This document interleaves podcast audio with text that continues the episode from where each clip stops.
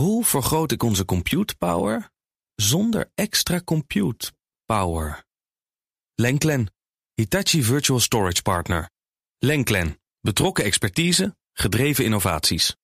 BNR Digitaal wordt mede mogelijk gemaakt door Levi9 Technology Services. Partner in software, product development en digital strategy. Luister ook eens naar deze podcast. BNR Beurs. Dat kan via de BNR-app. Met live radio en breaking news. Download hem nu. En blijf scherp. BNR Nieuwsradio. Digitaal. Joe van Buurik en Ben van der Burg. Goed dat je luistert naar BNR Digitaal. We weten nu ongeveer een week hoe Nederland gestemd heeft in de Tweede Kamerverkiezingen. Maar nog niet welke implicatie dat zal hebben voor digitaliseringsbeleid. Wat kunnen we verwachten in dat opzicht als we kijken naar de nu voor de hand liggende grote partijen?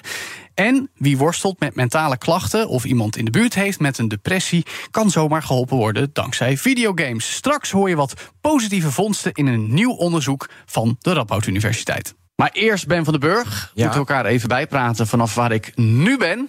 Het scheelt dat we de andere gesprekken al iets eerder konden doen. Want ik zit in Las Vegas. In al zijn grandeur en protserigheid. Vooral lelijk zou ik toch weer zeggen. Maar het heeft ook wel weer wat, vind je niet? Ja, voel je ook die vibe van al die mensen bij elkaar... die, die dan iets, iets nieuws gaan maken... waarbij je voelt van, hé, hey, tech gaat de nieuwe fase in... of valt dat tegen? Nou, wel, wel een beetje. Het is al heel erg een B2B-conference. Vinden ze hier een heel belangrijk woordmerkje en alles. Maar dat heb je met eh, Amazon Web Services. Want nou ja, de conferentie van die partij, die ben ik nu aan het bezoeken. Maar het, is de, de, de, het decor, zou ik maar zeggen, leidt wel een beetje af. Het, het complex aan hotels. Ik zit dan in de Venetian. Dat moet dan allemaal op Venetië lijken. Het lijkt het helemaal niet op. Maar Super grappig, hè? dus het is allemaal zo. Het is allemaal zo belachelijk. En ondertussen probeer je op de inhoud te focussen. Terwijl je achter rijen van duizenden ontwikkelaars en makers en aanbieders van software aanloopt. op weg naar sessies waar het daadwerkelijk eh, over eh, de inhoud gaat. Maar eh, het, het lukt best aardig tot nu toe. Ja, en wat is het belangrijkste dat AWS aan gaat kondigen deze week? Nou, volgens mij de hele week zit vol met aankondiging. Maar wat ik tot nu toe in ieder geval heb gehoord. Is dat ze bijvoorbeeld met eh, authentificatie om eh, in het pand van je werk te komen willen gaan veranderen. Bijvoorbeeld door je handpalm te scannen in plaats van een pasje of druppel. Dat, bij dat idee van biometrische verificatie krijgen we in Europa toch vrij gauw zweet, zou ja, ik zeggen. precies. Ja, ik schrok me kapot toen ik het zag. Want, dan, want er zitten Ja, jouw nou, biometrische gegevens in, in AWS. Dat is natuurlijk veilig, dat snap ik ook wel. Maar toch, Ja, klopt. Maar ze willen het wel op een bepaalde manier aanpakken. Dan moet ik wel zeggen, ik sprak bijvoorbeeld ook de oprichter van eh, Down Detector, wat wij kennen als alle storingen. Ja. En die zei ook van ja, weet je, je gebruikt meerdere cloud-oplossingen, maar bij Amazon hebben ze het dan weer zo geregeld. Dat doen ze natuurlijk allemaal. Dat, dat het ook volgens Europese soevereine waarden kan. Ze hebben allemaal zo'n divisie opgetuigd de afgelopen tijd. Dus dit, het is niet alsof je gelijk zorgen hoeft te maken. Wat, wat ik nog interessanter vind is eigenlijk dat ze hier ook nog hebben geroepen... ze willen serverless service worden. Dat klinkt heel gek voor een cloudbedrijf. We gaan onze servers minder belangrijk maken...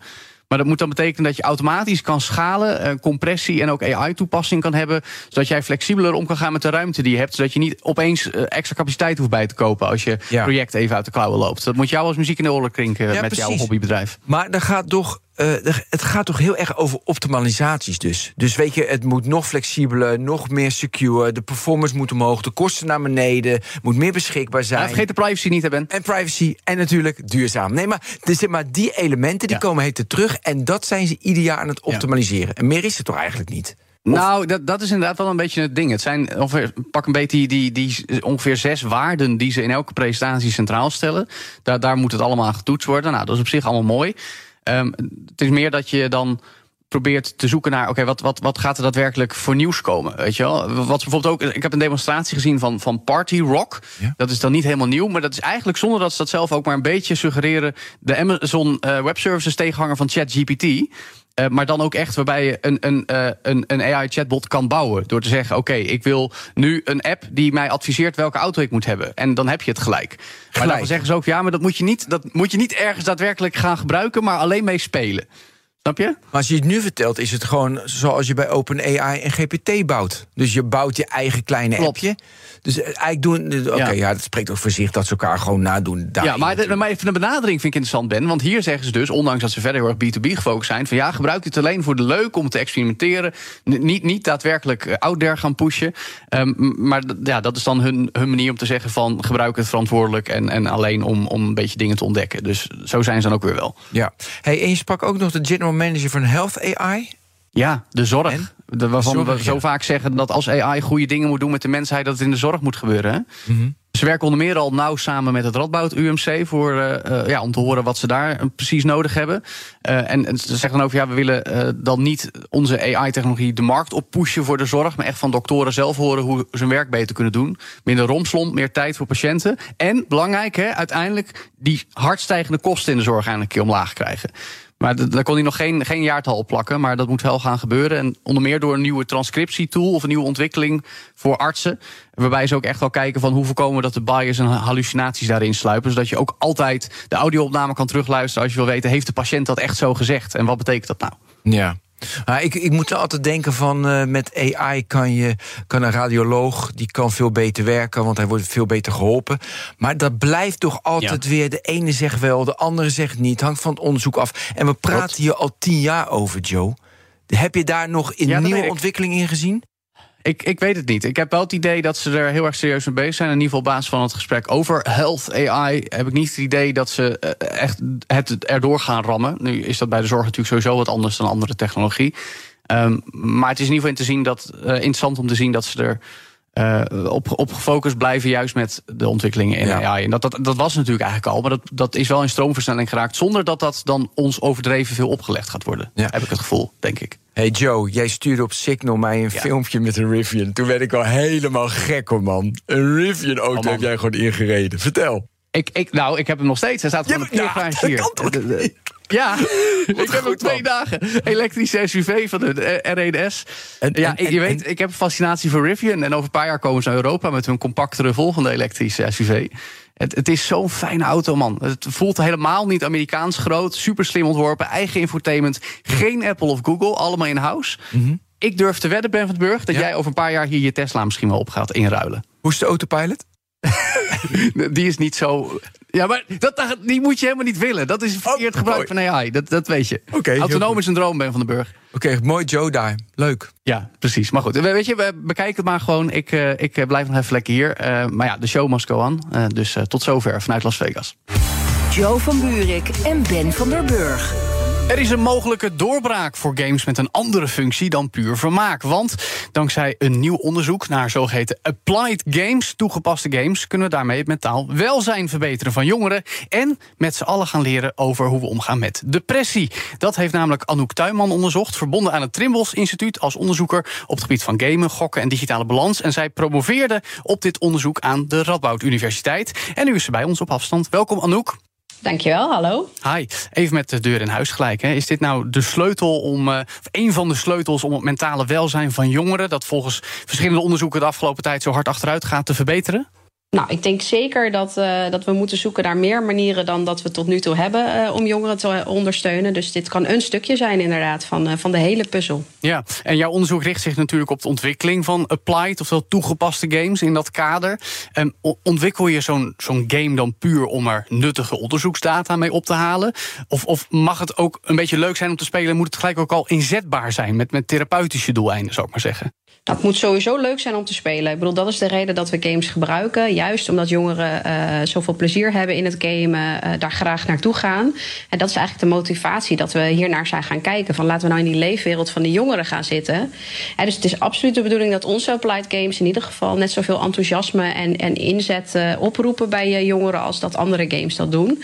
Eh, als ze niet leuk zijn, dan eh, mogen ze wat mij betreft eh, ja, ook gewoon weg. Ja, maar Want dan zal- heeft het toch geen zin. Maar het zal niet alleen maar zijn omdat games toch nog vaak geassocieerd worden met de jongere doelgroep. Het is, is het niet ook het feit dat je als je een game speelt zelf aan het handelen bent, op een andere manier iets ervaart dan wanneer je wat leest of alleen wat kijkt? Hoe, hoe, vertaal je dat naar de, de waarde die het heeft om er een onderzoek over mentaal welzijn mee uit te voeren? Mm, nee, het is zeker meer dan alleen maar het, de entertainment factor. Hè. Dus het gaat over meer dan dat.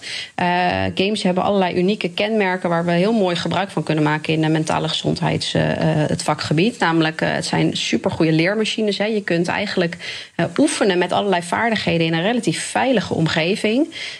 in een therapeutensessie zegt een, therapeut misschien: joh, weet je, ga eens naar buiten en, en ga, eens iets, um, ga eens iets oefenen, iets wat je moeilijk vindt.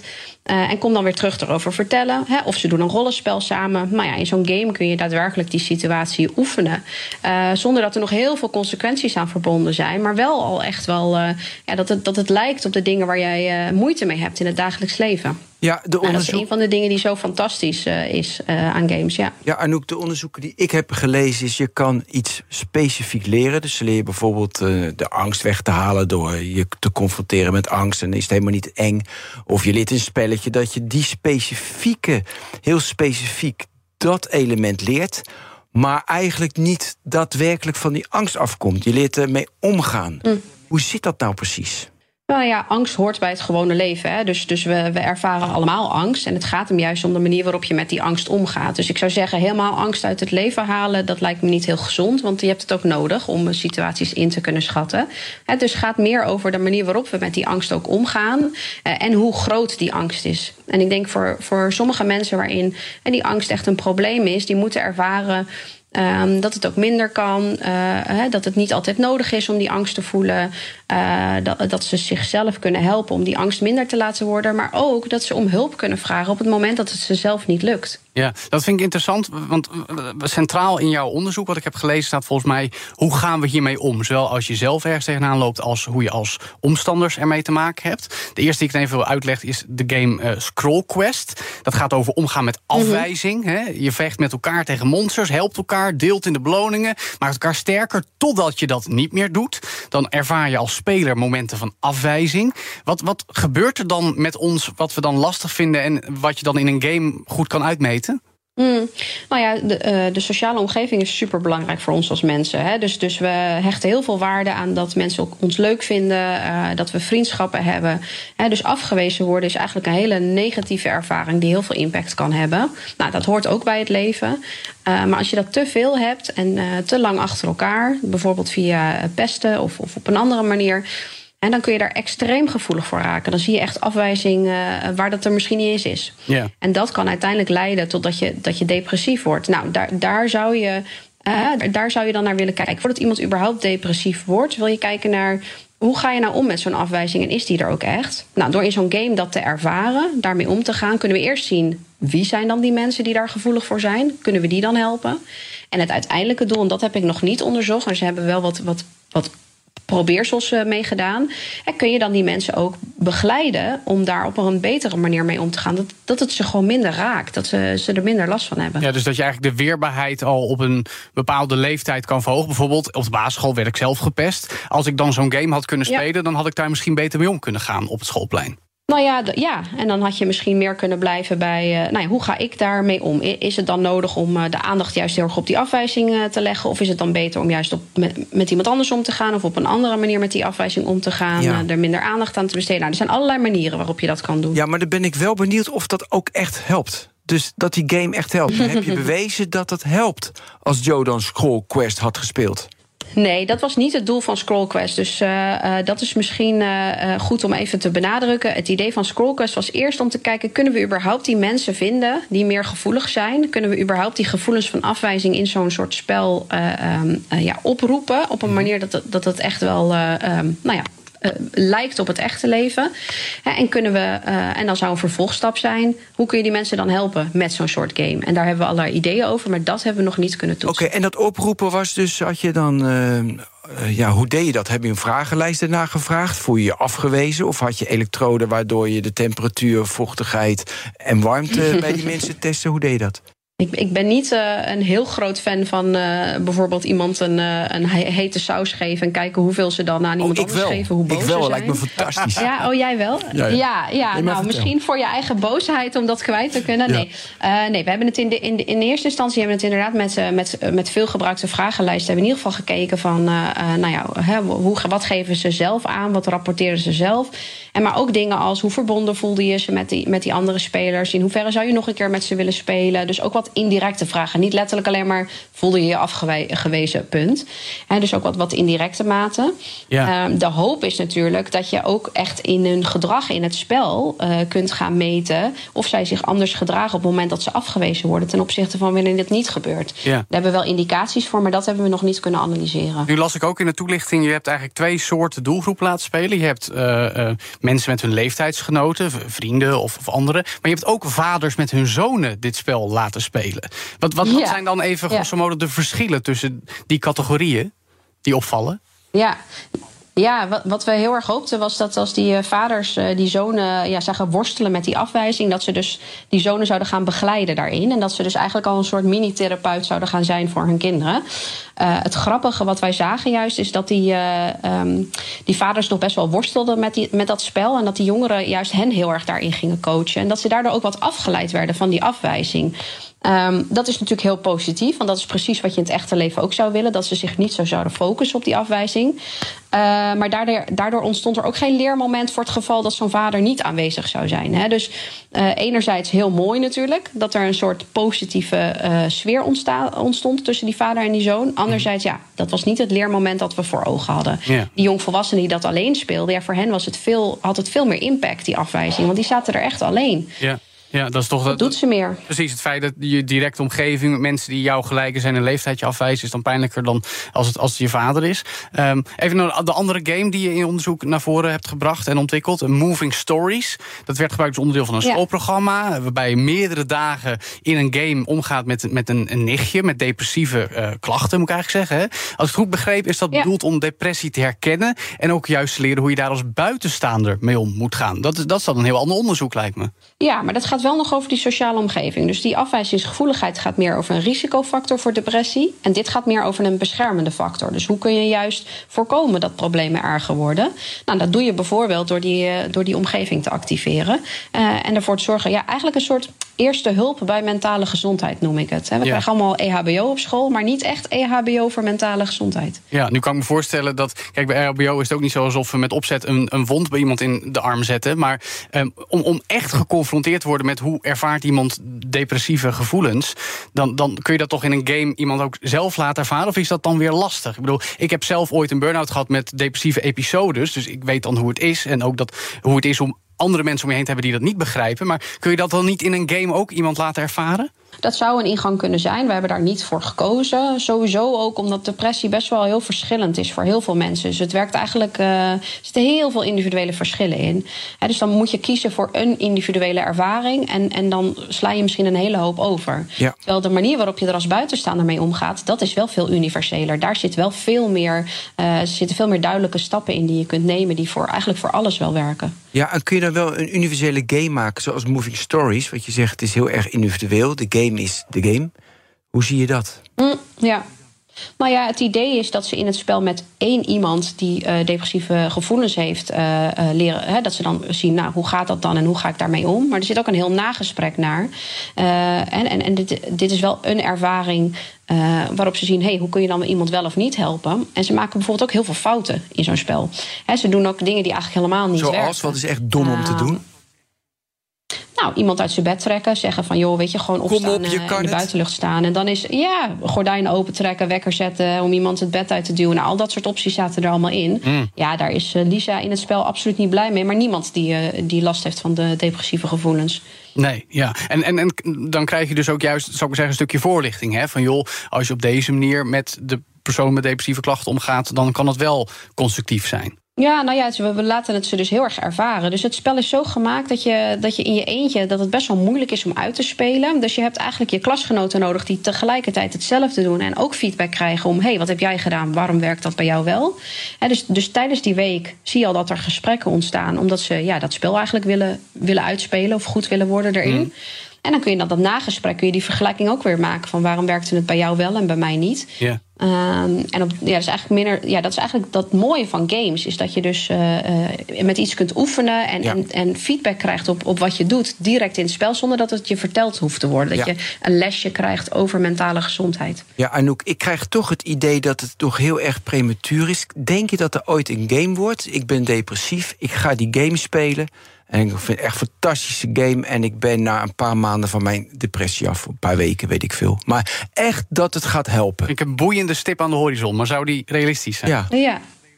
Ja, ik denk het wel. Ja, en ja? ik denk Hoe omdat ziet die we. game eruit? Wat hebben we nodig? Ja, ja wat moeten we doen?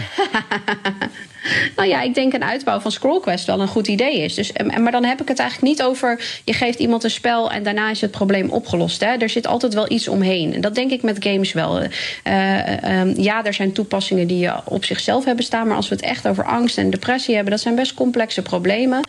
En daar wil je ook wel enige begeleiding naast hebben. Dus helemaal de therapeut vervangen... dat is helemaal niet mijn ambitie of, of wie dan ook van mijn collega's. Wat je kunt doen is, je kunt veel beter situaties oefenen. En dan heb ik het over afwijzing, maar dan heb ik het ook over spannende situaties.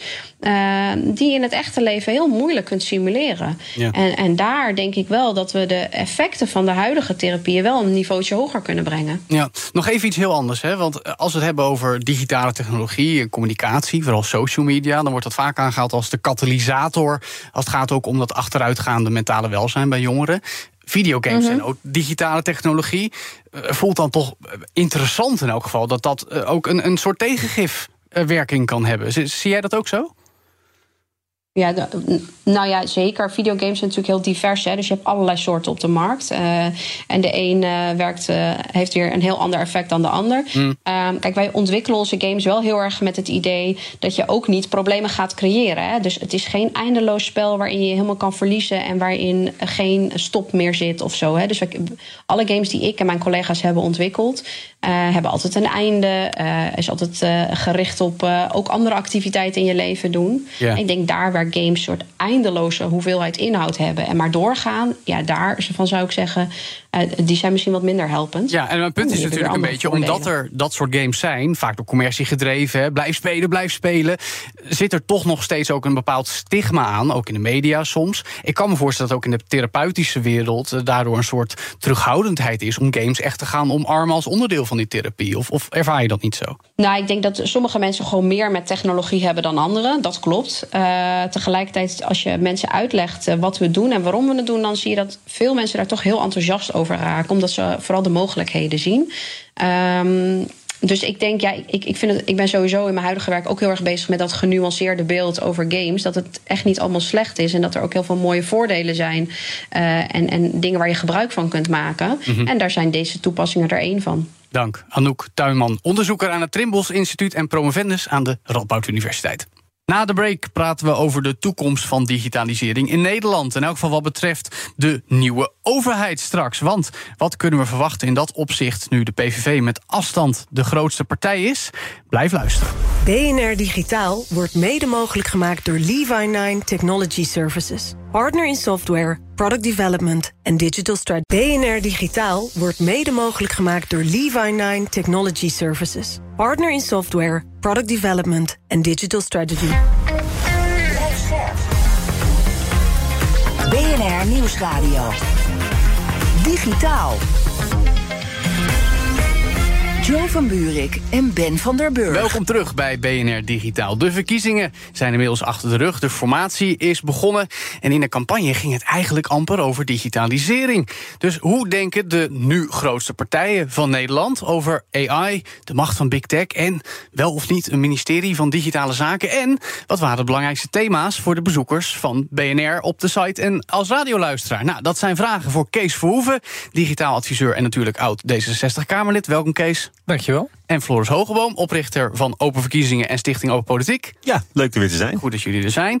Even positief beginnen. Floris, hoe vaak is die stemkeuzehulp Open Verkiezingen... Hè, waarmee we met AI vragen en eh, stellingen kunnen voorleggen... ten opzichte van partijprogramma's nou gebruikt Ja. de afgelopen tijd? Nou, we hebben voor 200.000 pot- partijposities, dus 200.000 combinatie van stellingen partijen, ehm, hebben, we, ja, hebben we een samenvatting eh, mogen geven.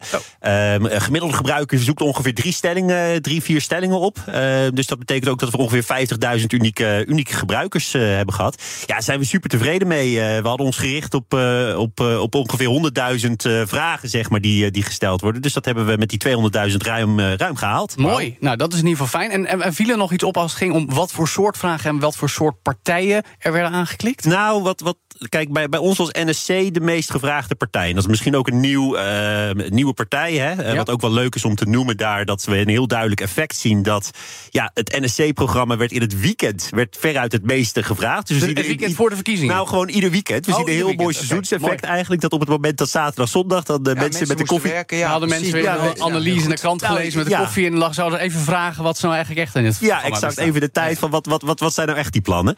Um, wat je bij ons ook... Wat, wat wel opvalt is wij uh, zitten veel meer aan de progressieve kant. Dus dat ja. zal Kees misschien aanspreken uh, in die zin. Ja, dat, uh, nee, de D66 Volt staan bij ons bijvoorbeeld op plek, plek 4 en 5. qua meest uitgevraagde partijen. En bij ons, ja, de PVV die, die, stond, die stond ergens in het midden op, op plek 7. Maar we zien wel heel duidelijk dat de laatste weken er meer vragen gesteld zijn aan de PVV. Okay. Daar komen we zo op terug. eerst even naar de verkiezingsuitslag aan zich. Daar zetten we alvast een beetje de digitaal bewuste pet op. Straks nog een nadrukkelijker. Kees, je, je kijkt moeilijk. Ja, Wat voor uitslag hebben we nou eigenlijk gezien? Ja, een schokkende uitslag. Hmm. Een hele uh, rechtse uitslag. Uh, en dat de PVV zo groot geworden is, dat is natuurlijk echt voor heel veel mensen uh, een beetje een soort herbeleving van dat Trump gekozen werd. Hmm. Of de Brexit. Er zijn heel veel mensen heel boos en heel onzeker over de wereld. En heel veel politici zijn er niet in geslaagd om die mensen een goed verhaal te bieden. En er is wel een verhaal over uh, dat het vroeger beter was, uh, dat er een zondebok is, dat het aan uh, buitenlanders ligt, dat het aan de elite ligt.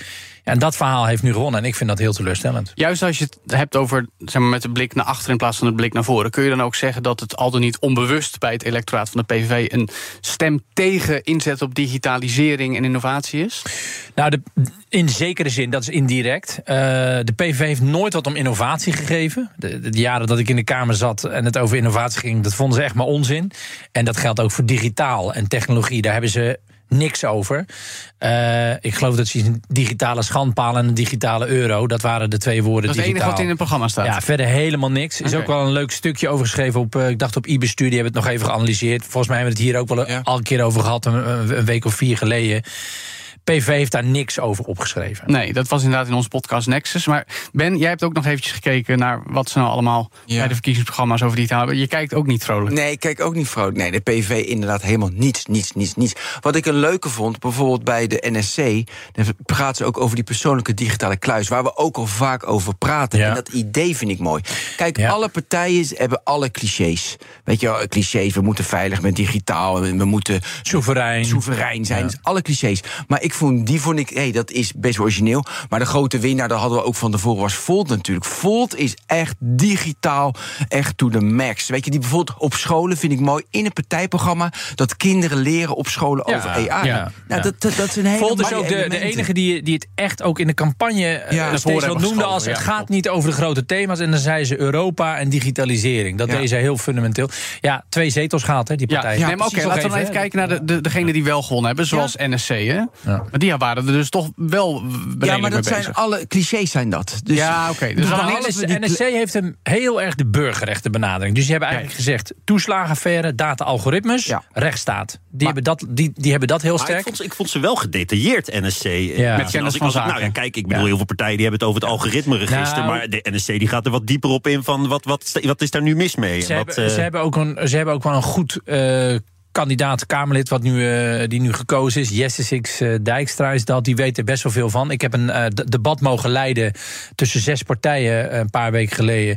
En dat ging dus echt alleen maar over digitaal. Maar dat waren al hun digibewuste ja, mensen op ja, de lijst. Ja, en die, hij was echt best wel goed over, dat, over die database. Ik vind dat idee van een kluis ook goed. Maar ze staat letterlijk in het programma één grote database. Nee, het moet natuurlijk een decentrale kluis zijn en geen centrale database. Uiteindelijk, uiteindelijk, zullen ze dat bedoelen. Kijk, in grote lijnen is het natuurlijk zo: digitaal is natuurlijk progressief. Het is een beetje jammer dat conservatief, dat die niet denken van hé, hey, digitalisering en tech is heel erg belangrijk. Dat is apart. Maar dan ga ik je toch een beetje tegenhouden aanvullen, Ben. Want vanuit de PVV-gedachte ga ik met je mee. Maar NSC en zeker VVD, die natuurlijk nu met z'n drieën een beetje aan tafel zitten, um, die zien wel degelijk de waarde van geld verdienen met innovatie. Ja, maar dat is. Vooral VVD. Dat klopt, dat klopt. En dat is ook mooi. Maar ik zie daar geen verrassingen in. Ik weet dat zijn wat wij hier altijd noemen: dat je soeverein er goed mee omgaat. En dat je uh, in Nederland moet investeren. Dus het is, dat is standaard. Het is niet heel erg Weet je, we moeten er vol voor gaan. Het is niet echt een speerpunt. Het hoort nee, erbij. klopt. Ja. Maar we staan nu op een splitsing, hè? De PVV zegt er niks over. Nee. NSC en VVD zeggen er hele verschillende dingen over. Ja, NSC zegt heel erg. Wat is het grootste verschil tussen die twee in dit nou, opzicht dan? VVD zegt uh, grote kansen uh, en we moeten soeverein zijn. Ja.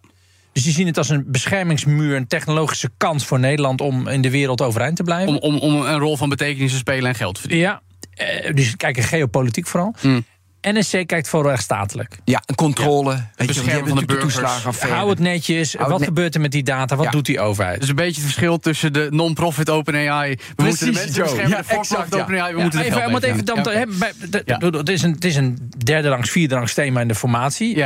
PVV laat dit helemaal lopen. BBB, eh, als ze mee gaan doen en, en met die zetels in de Eerste Kamer... dat weten we allemaal nog niet hoe dat gaat lopen. Maar die hebben een paar aardige dingen over. Maar het wordt één van die twee richtingen. Dus het is toch belangrijk welke kant het op Ja, maar dat is dus interessant. Zeker als je zegt... PVV heeft er eigenlijk niet zoveel mee. Dus, dus nou, doe maar zolang het niet te veel geld kost. En dan krijg je dus een discussie, als we kijken op waar we nu op varen... tussen VVD en NSC, hoe kijken we naar digitalisering in het komende kabinet? En dan denkt iedereen van, ah, het zal wat. Maar weet je, in 2010 was ook de PVV heel groot. En toen ging het ook bijvoorbeeld op innovatiebeleid... ging het tussen de VVD en CDA. En toen kregen we ineens het topsectorenbeleid van Maxime Verhagen... kwam toen ineens uit de hooghoed. Wat ik daarmee bedoel te zeggen is... we moeten opletten wat er in deze formatie met digitaal gaat gebeuren. Mm. Want het kan heel veel verschillende kanten op nog. Ja. En dat vind ik best wel spannend. Ja, maar geef daar eens antwoorden op. Want je kan wel zeggen, dat kregen we ineens het uh, het topsectorenbeleid. Maar goed, weet je, dan ga je weer een nieuw beleid maken. Mij gaat het erom, het beleid dat er nu is, dat moet je heel goed uitvoeren.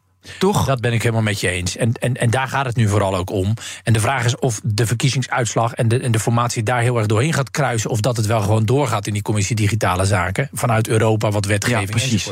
Ja. Maar je wilt toch ook één of twee of drie mooie, nieuwe, goede initiatieven op het gebied van. van ja, noem maar eens één wat voor jou echt een heel goed initiatief zou zijn. Nou, daar hebben we het laatst. Nee, dat was tijdens het nationale AI-debat. was dat. Toen heb ik gezegd: reguleren, dat lukt nu wel met Europa. Daar zijn we allemaal dik boven. Er zijn allemaal wetten 12, 13, 14 wetten. Maar ik wil graag dat we gaan innoveren met AI. En daar moet de coalitie dus meer VVD, dan ga je naar de VVD. Dat, dat, is misschien ook een heel moeilijk verhaal. Want ja, daar, daar, hadden we twee weken terug over met, eh, met Michiel Steltman. Ja, het wordt niet zo concreet dan wat, wat innoveren met AI betekent. Ja, de VVD zegt iets over MKB en digitale technologie, zeg maar. Uh, dat dat heel belangrijk is dat we daar. Maar wat, wat betekent dat dan in die zin? Ja, dat betekent dat je eh, eerst moet zeggen: we gaan niet al het geld wat we hebben voor innovatie en, en, eh, en economische vooruitgang, gaan we allemaal helemaal verspreiden over twintig dingetjes. Tien topsectoren, twaalf sleuteltechnologieën enzovoort. Nee, zet dan vol in op één of twee of drie goede AI-toepassingen die we koppelen aan economische sectoren waar Nederland goed in is. Ja. Dat zou ik heel dapper vinden. Nou, dat klinkt misschien als voor jou. Jij, jij, jij knikt al van nou, dat zou misschien best wel logisch zijn. Maar dat is in politiek Den Haag niet logisch. Daar moet iedereen een beetje tevreden gehouden worden met wat geld. Nou, dan kies je dus niet. Nou, dat zou ik graag anders zien. Ja. Kees, je noemde net de commissie Digitale Zaken. Je had het over dat debat met de mensen op de kieslijst die met digitale zaken bezig zijn in portfolio. Welk beeld heb jij van de mensen die nu in de Kamer terugkeren of er nieuw inkomen? Gaan we een beetje tech-expertise zien? Ja, het is natuurlijk heel overzichtelijk. We hebben vier grote partijen en die hebben alle vier wel een kandidaat op tech. Ja, maar, maar een goede? Ja, ik was best wel enthousiast. Uh, Bijvoorbeeld een Barbara Katman van GroenLinks PvdA, die heeft haar sporen aardig verdiend, toch? Barbara Katman die komt terug. Uh, uh, Lisa van Ginneke Vrees ik van niet. Dat, dat, dat, dat wordt echt heel spannend. Ja. Uh, Heeft D66 dan een ander? Nee, niet echt. Dat is jammer. Dan moet jij maar terug. Nee, Henk Vermeer van uh, eh, BBB was bij dat debat aanwezig. Ik vond, dat, ik vond dat hij het echt best wel aardig deed. En in het BBB-programma heb ik ook al gememoreerd een keer. staan best leuke dingen over digitaal. Uh, ja, bij de VVD is natuurlijk Queenie gewoon terug. Ja. Die gaat weliswaar nu eerst nog met zwangerschapsverlof, maar zij komt terug. Dus de vier grote partijen hebben ja, maar dan redelijke bezetting. NSC en PVV. Dat, de NSC heeft dus ook al een goede goede wat dat betreft, begreep ik. Ja, die hebben Jesse Six Dijkstra. Die maakt op mij een goede indruk. Ja, en dan uh, PVV is een vraagteken. Ja, nee, maar daar... Daar, daar hoeven we niks van te verwachten. Nee. Ja. Die hadden wel een goede. Ik vind toch altijd netjes... De Nai uh, van Weerdenburg, mm. die ken ik niet. was vaak bij de debatten... Wat, ja. en deed altijd gewoon gedegen wel haar werk... En, en, en luisterde ook wel naar wat er gezegd werd door, ja. door experts. Dus wanneer, vind jij, wel kwijt. wanneer vind jij iemand goed? Ja, als iemand in staat is om de verschillende uh, uh, gebieden van digitalisering en de kennis daarover een beetje om zich heen te verzamelen. Dus je, hebt, je bent alleen als Kamerlid met een paar mensen. Waar je in staat toe moet zijn, is dat je op voldoende uh, diepgaand niveau, maar tegelijkertijd altijd op die hoofdlijnen. Dus dat is heel lastig, want je kunt niet alles weten als een gedetailleerde spons. Dat je gewoon voldoende weet wat de, wat de hoofdlijnen zijn van de grote. Ja, maar mij valt wel op dat het heel erg in hoofdlijnen dan blijft. Er zijn weinig mensen die dan de diepte in kunnen gaan. Of ja, een originele invalshoek of een andere invalshoek. Ik ben langzaam maar zeker tot de conclusie gekomen dat dat niet de, de, de mogelijkheid is voor een, voor een Kamerlid in deze tijd om heel erg diep in een onderwerp te zitten. Ik denk dat een Kamerlid toch op hoofdlijnen de regering moet controleren. Ja. Wetende waar het over gaat. Maar hele specifieke details over. Nou ja, waar jullie het altijd over hebben, dat, dat, dat zit er denk ik niet in voor een, uh, voor een gemiddeld Kamerlid. Digitaal. We praten door over de implicaties van de uitslag van de afgelopen Tweede Kamerverkiezingen. Natuurlijk vooral op het gebied van digitalisering. Evenals de inzet van open verkiezingen. De AI-stemkeuzehulp waarmee je vragen en stellingen kon en nog steeds kan toetsen aan partijprogramma's. Dat doen we met oud-D66-Kamerlid Kees Verhoeven, nu digitaal adviseur. En Floris Hogeboom van Open Verkiezingen. Floris, voordat we verder praten over digitalisering in Nederland in perspectief, nog even over die verkiezingen. Hè? Want had jij dat nou, je noemde aan het begin van het gesprek al dat er in de dagen voor de verkiezingen wat meer de PVV werd aangeklikt. Maar ondanks dat je geen pollingstoel hebt gemaakt natuurlijk... kon je dit een beetje zien aankomen, die opkomst? Nou, we, we zagen dus die, die aanloop uh, uh, de dagen daarvoor. Uh, ik, ik, denk, ik denk dat je heel voorzichtig moet zijn met dit te interpreteren als, als peilingen. Nee, dit, dit gaat ik. echt om informatievoorziening. Maar je, maar je, ziet, je, je, merkt er wel toename. En wat, wat ik, ik heb gisteravond even gekeken wat er na de exit poll nou gebeurde. Hè, dus oh ja. om negen uur s avonds op de 22e. Ja, wat, wat zegt de PVV nou, eigenlijk? Ja, 36% van de stellingen toen. Bijna al het andere verkeer was, was weggevallen. Uh, tegenover 5% daarvoor. Ge, ja, wordt gevraagd aan de PVV. Opeens wilden mensen het dus weten. Dus opeens willen mensen, men, mensen weten waar, waar staat die PVV dan voor. En wat voor vragenstellingen werden er dan Ja, nee, dat, dat eigenlijk een beetje de usual suspects. Hè, zoals we die uh, daarvoor ook al zagen. Dus dat ging toch veel over zorg, uh, belasting, wonen, uh, migratie. Ehm, dus daar zie je niet heel veel dat er nou echt iets... iets ehm, ehm, dat er iets veranderd is. Ik denk ook, we hebben natuurlijk hetzelfde, ja, dezelfde groep gebruikers in die zin... waar die eerst in geïnteresseerd waren. Ja, die zullen nu ook benieuwd zijn aan de, uh, aan de PVV. Maar zeker die, die uptick, zeg maar, van, uh, van, uh, ja, van het ene moment naar het andere moment. Zodra de exit poll kwam, dat we zagen: hé, hey, nu, nu wordt PVV vaak aangeklikt. Ja. ja. dat vond ik wel heel interessant. En dat vind ik ook mooi om te zien. Want dat betekent ook dat mensen dus ja, niet alleen maar voor de verkiezing geïnteresseerd nee. zijn, maar ook nu wat, wat gaat er nu gebeuren, zeg maar. Ja, ook daarna willen ze nog steeds weten wat, waar staan ze nou eigenlijk voor. Kun, kun je dat straks ook up-to-date gaan houden? Want nou, de verkiezingsprogramma's, die, die heeft natuurlijk nu iedereen nog in de hand van, voor de formatie en de gesprekken erover. Maar straks gaat het natuurlijk een beetje geschoven worden. In, in, in, weet je, dan krijgen we gesprekken over formatie en informatie. En dan, hoe, hoe, hoe is het perspectief ja, nu als ik, we dit willen blijven nou, gebruiken? Ik, ik, moet zeggen, kijk, die, die formatie, ik denk dat daar, daar doen die verkiezingsprogramma's mee. En dan kun je nog een beetje per, uh, posities uit, uh, uithalen. Ik denk niet dat daar de grote winst zit. Kijk, wat ik heel interessant vind, en wat wij als stichting heel interessant vinden, is ja, hoe, hoe gaan we hier nu, dit nu gebruiken om het contact tussen de Kamer, zeg maar, wat gebeurt er in de Kamer en de burger te versterken? Want ja. uh, laten we wel wezen, kijk, straks, straks hebben we een Kamer zitten, er zitten 150, 150 poppetjes.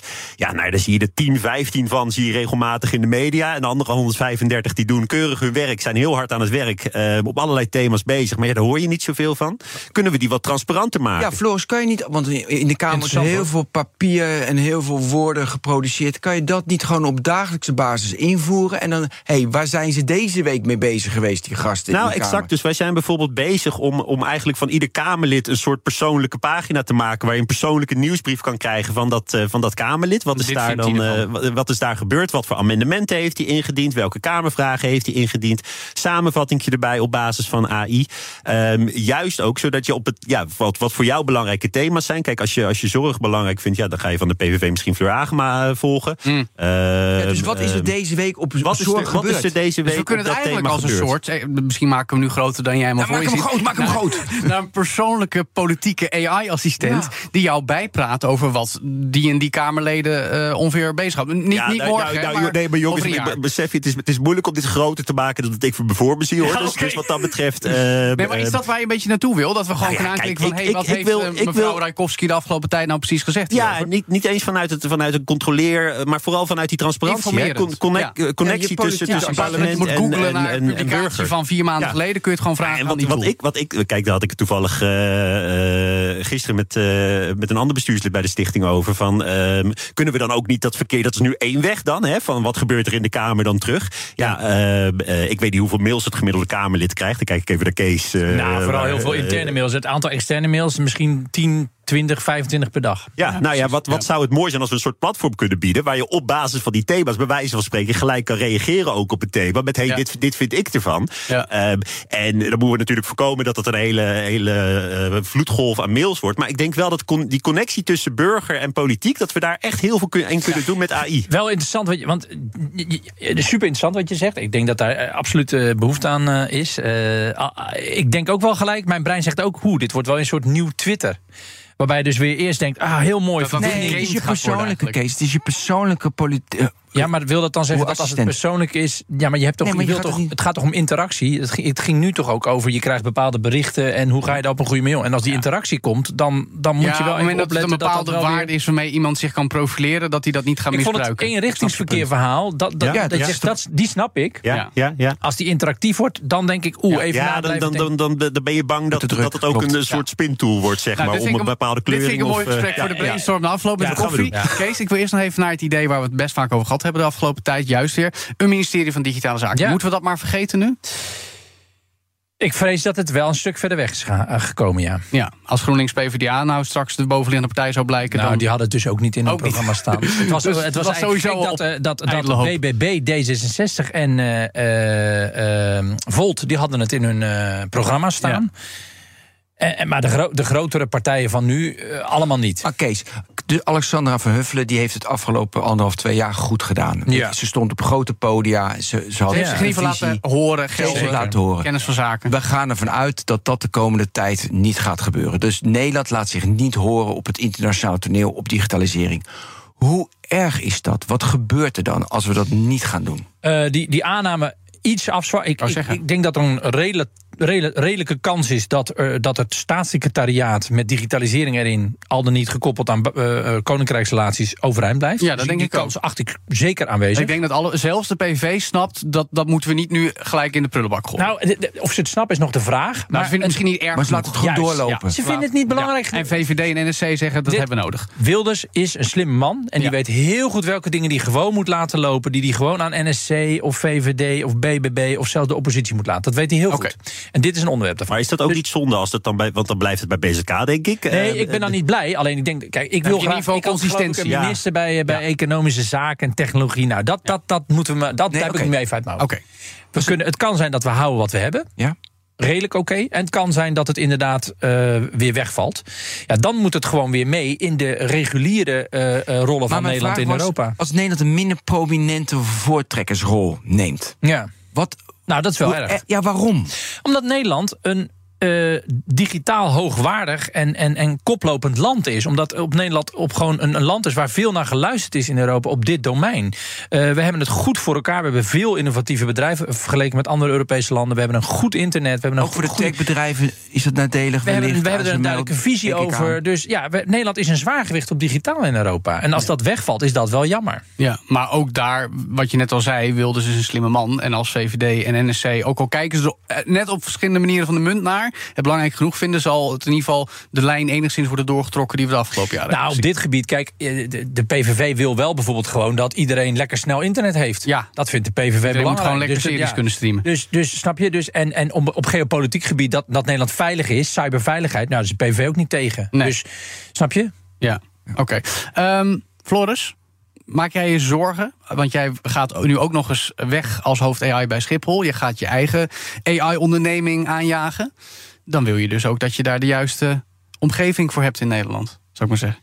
Ja, nou ja, kijk, ik, ik moet wel zeggen dat uh, ik, ik kan niet helemaal inschatten wat dat beleid van de PVV gaat betekenen voor, voor, die, voor die influx van talent. Uh, ik merk wel in mijn, in mijn netwerk, waar, waar er al veel mensen zitten, natuurlijk, die, ja, die, die, die een niet-Nederlandse achtergrond hebben. Die, die zeggen van nee, ik, ik, ik, ik moet, ik moet toch eens even mijn persoonlijke plannen uh, opnieuw bedenken of ik in dit land, uh, ja. dit land wil wonen. Dat is pijnlijk. We hebben, we, juist digitale innovatie is iets wat internationaal gedreven is. Nou ja, Amsterdam is natuurlijk een grote tech-hub hier in die zin. Met, met, Uber en, uh, en, en, Ikea die hier uh, speciaal heen zijn gekomen... Ja. omdat het hier zo makkelijk was om talent, uh, talent aan te trekken. En de WBSO-regeling. Tuurlijk, en de WBSO-regeling. Nee, maar goed, ja. is, het, is, dit, is dit echt een, een hoofdpijnding... Of, of moeten we ons er ook niet al te druk over maken?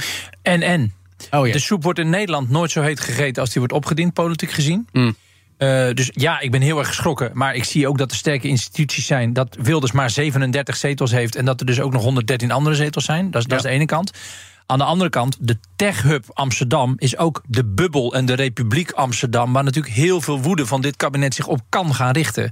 De vraag is of dat ook op economisch gebied pijnlijk gaat, gaat zijn. Maar ik vind wel dat iedereen die boos is op elites en, en, en cosmopolieten en dit, die, die focust zich eigenlijk op Amsterdam. Dus ik ben heel benieuwd hoe dat gaat, gaat worden. Dat gaat wat buiten de oevers van deze uitzending misschien. Ja. Maar dat vind ik wel spannend hoor. Maar wel een interessant punt. Tot slot aan Kees. Eh, jij als digitaal adviseur ik ga gewoon door met mijn werk. Ja, je hebt nog gewoon genoeg kans om te doen wat je de afgelopen tijd was gaan doen. Nou ja, en anders creëer ik nieuwe kansen. ik bedoel, ik heb jaren in die politiek gezeten, daar wil ja. ik nu echt even niet naar terug. Ik ben nu ondernemer slash adviseur. Ja, als ik wil dat mijn stem gehoord blijft en dat ik mee blijf denken, dan zal ik moeten zorgen dat ik daar ruimte voor creëer. Ja, nou, dat, that's, dat, that's life. Nou, dat ja. gaan we dus merken de komende tijd. Dank in elk geval oud D66-Kamerlid Kees Verhoeven, nu digitaal adviseur en blijft dat dus. En Floris Hogeboom, oprichter van Open Verkiezingen en onafhankelijk AI-ondernemer. Tot zover BNR Digitaal. Ook altijd te beluisteren als podcast op elk kent platform. Abonneer je erop, beoordeel ons, dat vinden we fijn. Luister daar ook naar onze podcast Nexus, waarin we natuurlijk uiteraard doorpraten over alles wat er gebeurt in de techwereld, waaronder OpenAI. Uh, doe dat ook met de technoloog, die kun je luisteren. Ben, deze week een... Een college over zonnepanelen. Heel belangrijk, interessant. En de PVV wil die in stand houden, volgens mij. Salderingsregeling in elk geval. Heel goed. Dus belangrijk, maar goed. En blijf op de hoogte van het laatste nieuws in tech met de tech-update. En kun je natuurlijk ook komende week weer luisteren naar een nieuwe BNR Digitaal vanaf woensdag. Dus zeg ik graag namens onze hele tech-redactie tot volgende week. Dag. BNR Digitaal wordt mede mogelijk gemaakt door Levi9 Technology Services. Partner in software, product development en digital strategy. De beste. Hoe vergroot ik onze compute power zonder extra compute power? Lenklen, Hitachi Virtual Storage Partner. Lenklen, betrokken expertise, gedreven innovaties.